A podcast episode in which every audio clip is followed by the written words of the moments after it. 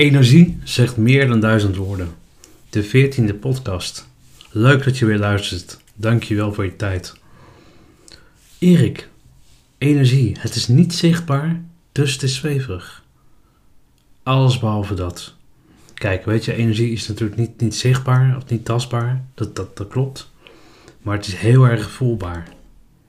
En het energie is eigenlijk iets wat ons zelf meer met onszelf verbindt. Klinkt misschien heel gek, maar het is namelijk een, een energie die je zelf uitstraalt. En de energie die je innerlijk voelt. En de energie natuurlijk die, die, die je uitzendt, die je ook jezelf met anderen verbindt. En die je dus ook met jezelf kunt verbinden. Als je heel erg gefocust bent op wat er in de buitenwereld gebeurt, dan ben je eigenlijk heel erg veel bezig met de energie van buiten. En als je heel erg focust op de energie van binnen, dan kun je dat ook weer op een goede manier naar buiten uitstralen. Kijk, een energie blijft hoe dan ook bestaan. En ook als we overgaan, daar ben ik al van overtuigd. Oké, dus nu, uh, nu gaan we even naar het aardse deel. Um, nou ja, weet je, ik, om een voorbeeld te noemen, ik luister wel eens Andrea Bocelli. Uh, ja, hij zingt heel erg uh, hele, hele mooie nummers in Italiaans. Ik heb geen flauw benul wat hij zingt, helemaal niks. Ja, mijn enige Italiaans is Buongiorno en Prego en houdt het er een beetje, een beetje op. Maar ik voelde ik voel de energie, de emotie, de passie in zijn stem, waarvan ik, waar, ik gewoon geraakt door word. En als je daardoor geraakt wordt, dan voel je gewoon meer dan alleen woorden. Hey, noemen we nog een voorbeeld, een praktisch voorbeeld. Hè? Misschien ken je het ook wel als je een, uh, hè, was naar kantoor gaat of, of, thuis of bij iemand langs, langs gaat. Loop maar eens een ruimte binnen. En voel wat het met je doet. Voel je je geborgen of voel je een grimmige, grimmige sfeer?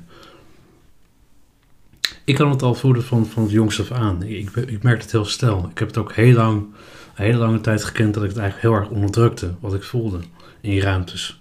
Maar ik voel heel snel of de sfeer goed is, of gespannen is, of uh, nou, dat soort dingen, dat, dat voel ik allemaal. En eigenlijk hè, er zijn natuurlijk ook mensen die dat dus niet voelen. Dat vind ik natuurlijk ook eigenlijk heel erg interessant. Maar je voelt eigenlijk meteen of iets klopt. En regelmatig zie ik, ook bij mezelf, dat ons buiten, hè, op de buitenwereld het anders doet vermoeden. Dus stel nou dat je een ruimte binnenloopt en je voelt het heel grimmig. En er staan mensen op in die ruimte die zeggen: Ja, het gaat hier allemaal goed en geweldig. Dan is er een disbalans tussen de energie, op energetisch vlak, de energie wat je voelt, en wat, wat die persoon zegt. is niet, niet congruent. En dat betekent dat het voor jou als, als waarnemer in feite heel erg verwarrend is. Want wat moet je nou geloven? Wat is waar? En persoonlijk pak altijd als uitgangspunt wat je zelf voelt is altijd waar. Want jij bent de waarnemer. En natuurlijk, hè, het, moet wel, het moet wel heel erg zuiver zijn wat je voelt. Het moet echt kloppen. Het moet geen mengelmoes zijn van allerlei omstandigheden en op de persoon. Nee, je, moet het echt gewoon zuiver voelen. En daarbij gaat het altijd om de inhoud, niet om de verpakking. Ja?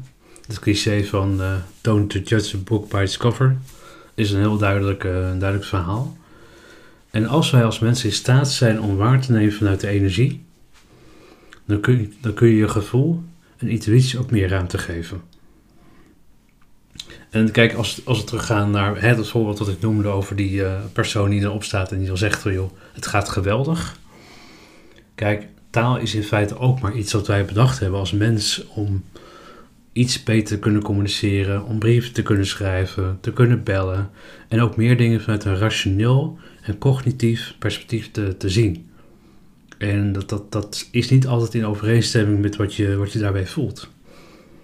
En dat is eigenlijk heel erg, heel erg mooi als je die, die onderscheid kunt maken tussen die twee dingen. En zo ben ik het eigenlijk ook steeds meer gaan zien van energie is voor mij persoonlijk en gevoel en intuïtie, die combinatie, veel belangrijker dan wat ik lees en wat ik vanuit de ratio perspectief zie. En ik heb ook heel lang gehad dat ik alleen maar vanuit de ratio leefde. Dus ik leefde alleen maar vanuit mijn hoofd. En dat was misschien ook ingegeven dat ik moest overleven in een situatie waar ik destijds in zat met mijn vader. Dan is het een heel ander verhaal. Maar daar ben ik me echt van bewust van. En dat is ook weer heel, heel lang geleden. En dat is eigenlijk een heel mooi, heel mooi onderscheid. Dus ja, ik zou zeggen, probeer het eens. Hè. Probeer die ruimtes in te gaan. Kijk wel hoe het voelt voor jou. En kijk ook wat jouw aandeel daarin kan zijn. Wat jij daarin kan betekenen. al, is het maar een, glimlach. Of al is het maar een, een leuke, grappige opmerking die de hele zaal, zeg maar, of de hele omgeving doet, uh, doet veranderen. Dankjewel voor het luisteren weer. Fijne avond, fijne dag.